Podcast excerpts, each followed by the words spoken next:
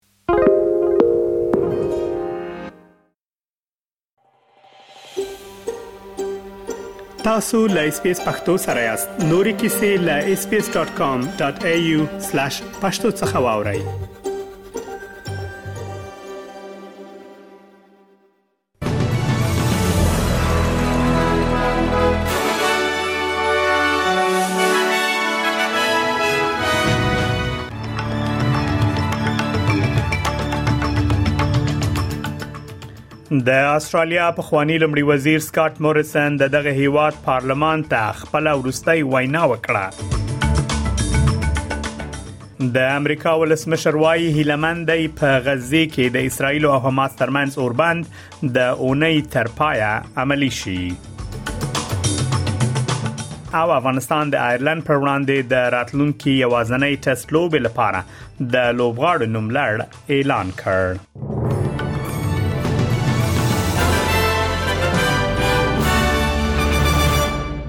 اوس هم پام وکړئ بشپړ خبرونو ته پخوانی لمړي وزیر سکاټ مورستن له سیاست څخه تر تقاعد مخکې پارلمان ته خپل ورستۍ وینا وکړه د جنوري په میاشت کې هغه اعلان کړی و چې د فبرवरी په میاشت کې به له سیاست څخه استعفا وکړي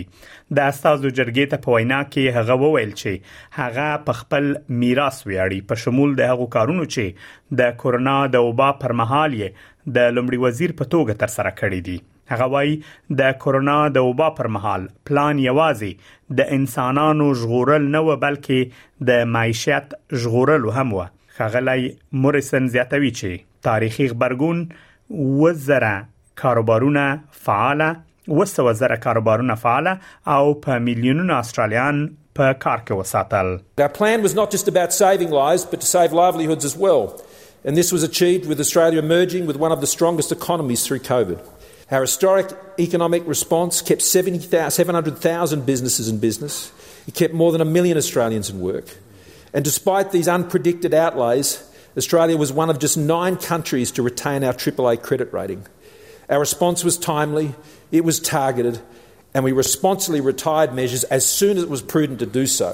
هغه وایي د اقتصاد اداره کول یو اساسي ننګونه ده او په راتلونکي کې محتاط اوسو باید محتاط اوسو ترڅو د اقتصاد بیا تنظیم ونه کړو دا ډول چلند به یوازې هغه وړتیا له لاسه ورکړي چې موږ د یو ملت په توګه لرو Looking forward, we must be careful not to reinstitutionalize our economy. Such an approach will only negate the capacity we have as a nation and leave us vulnerable in the face of new threats to our sovereignty. During my time in this place, and especially as Prime Minister, we have seen an end to the post Cold War period of globalisation and the emergence of a new era of strategic competition where our global rules based order is being challenged by a new arc of autocracy. ranges from Pyongyang to Beijing, Tehran and Moscow. د استرالیا ځینې لوی شرکتونو د لومړي ځل لپاره د خپل نارینه او خزینه کارمندانو د معاشونو د توپیر په اړه معلومات شریک کړي دي د کوانټس جټ سټار او ورژن په ګډون هوایي شرکتونو د خپل کارمندانو د معاشونو ترمنځ توپیر په اړه معلومات شریک کړي دي له دغه معلوماتو څخه د فدرالي سیاستوالو لخوا په سیاسي ډګر کې توت هرکلی شوی دی د اپوزيسیون مرستياله سوزن لی وای معلومات روښانه کوي چې څوک کارونه سم او څوک ناسم کوي د فدرالي حکومت د خزو چارو وزیره کیټي ګالګیر وای د معلوماتو خپرول به سوداګرۍ ته وده ورکړي هغه وایي دغه کار سوداګر د خپل پایلو په اړه هوښیاروي او کولای شي هغه لارو ته کتنه وکړي چې کولای شي د جنسیت د معاشونو د تشې د ډکولو په اړه پرمختګ کوي Businesses themselves are conscious of their results can look at ways uh, if they need to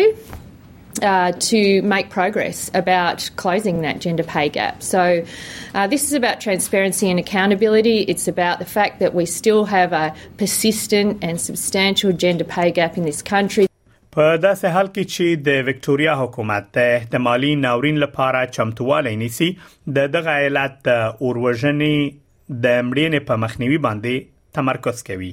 د سبا لپاره په ویمیرا سیمه کې د اوروژنې د خطر کچه له خورا سخت حالت څخه د ناورین حالت ته لوړه شوې ده سبا د 15 کیلومتر په ساعت کې بادونو تمه کیږي او ممکن د ایالت په ډیری سیمو کې سیمو کې د تودوخې درجه تر 40 درجو پورې ورسیږي د ایالت د کنټرول لمرکز څخه لیوک هیکرټي ای بي سي شبکې ته ویلي چې مهمه ده ترڅو خلک مخکې لمخکې چمتو شي هغه وایي خلک هڅوي ترڅو د اوروژن پلان بیا تایید کړي او ډاټ تر لاسه کړي چې خپل پلان یې چکړای دی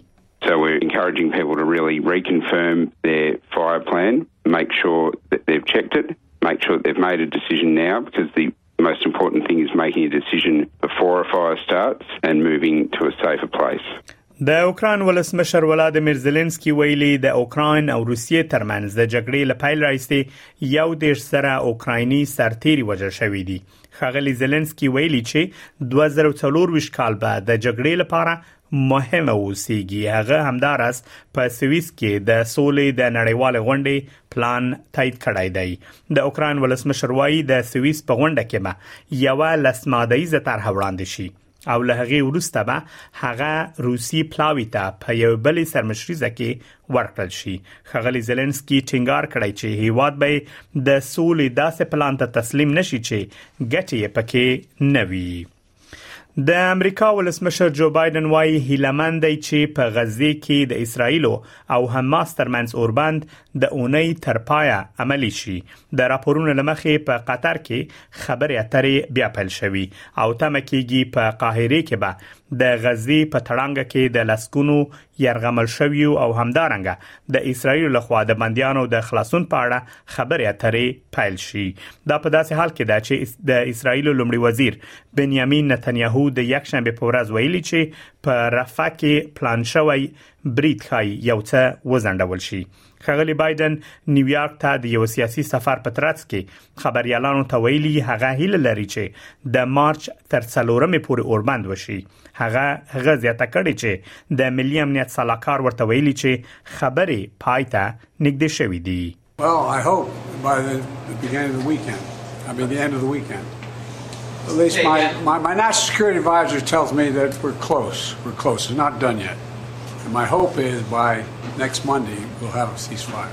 د موټر چلولو لپاره د مصنوعي ځیرکتیا یو نوی اله جوړه شوې ده نوی سمارټ فون چې د انرا په نوم شرکت لخوا په لار اچول شوی د سترګو د تعقیب ټکنالوژي لري چې په تیوري کې به یو چاته اجازه ورکړي چې یوازې د اپلیکیشن په لیدلو سره موټر وچلوي د موټرو انجنیر پروفیسور جیمز برایټن ویلي دی چې دغه شرکت په سړکونو کې د دغه ټکنالوژي د کارولو اراده اوس مهال نه لري دا هم یو ورزشي خبر د افغانستان کرکټ بورډ د آیرلند پر وړاندې د راتلونکو یوازنۍ ټیسټ لوبې لپاره نوملړ اعلان کړ د مهالويش لمخې به دغه لوبه د راتلونکو چهار شنبه په ورځ د متحده عربي اماراتو په ابوظبي کې پیل شي او د راتلونکي مارچ میاشتې تر درې منېټې پورې به دوام پیدا کړي د افغانستان کرکټ بورډ اجرایوي رئیس خغلی نصیب خان وایي چې افغان لوبډلې په تیرو 15 کلونو کې د آیرلند پر وړاندې ډېری لوبې تر سره کړې دي لیا دی لوبډلې سره د لوبو خورا اوګده مخینه لري نوموړی زیاتوي چې افغان لوبډله به له دې وروسته د بنگله دیش نوی زیلند او زیمبابوې پر وړاندې هم ټیسټ لوبې تر سره کړي او هڅه کوي چې یادو سیالوي لپاره غوړه لوبډله تیار کړي د دغه ټیسټ لوبې پر مهال به حشمت الله شهیدی لوبډل مشر او رحمت شاه مرستيال لوبډل مشر ووسیږي دا د افغان ملي لوبډلې نهمه ټیسټ لوبه ده چې ورپسې به په روان کال کې ملي لوبډله د بنگله دیش پر وړاندې دوه د نوي زیلند پر وړاندې یو او همدارس د زمبابوې پر وړاندې دوه لوبي تر سره کړې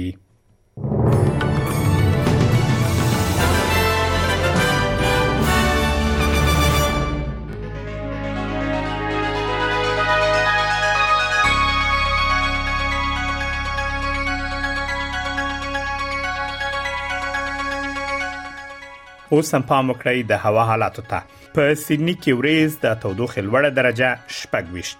ملبون کې ډېر لمر د تودوخې لوړه درجه دیرش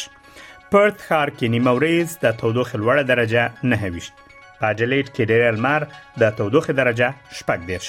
هوبارت کې هم ډیری لمر د تودوخې لوړه درجه 15 کانبرا کې نیمه ورځ د تودوخې لوړه درجه 22 په نیوکاسل ښار کې باران د تودوخې لوړه درجه 22 په برزبن کې نیمه ورځ د تودوخې لوړه درجه 11 په داروین کې باران او طوفان د تودوخې لوړه درجه 22 او له استرالیا څخه بهر په کابل کې ورځ د تودوخې لوړه درجه شپږ او ټیټه منفي دوه په پیښور کې نیمه ورځ د تودوخې لوړه درجه 19 او ټیټه هم لس دا هم د استرالیي ډالر پر وړاندې د نور اسعارو بیه د استرالیا ډالر 15 شپېته امریکایي سنټه یو استرالیي ډالر شپېته یورو سنټه او 250 پیټاوی پنسه د استرالیا یو ډالر 450 هندیو کلدارو او یو سل دواتیا پاکستانیو کلدارو سره برابرېږي او د استرالیا یو ډالر 48 افغانۍ کیږي خبرونه هم دومره و لملتیا مو مننه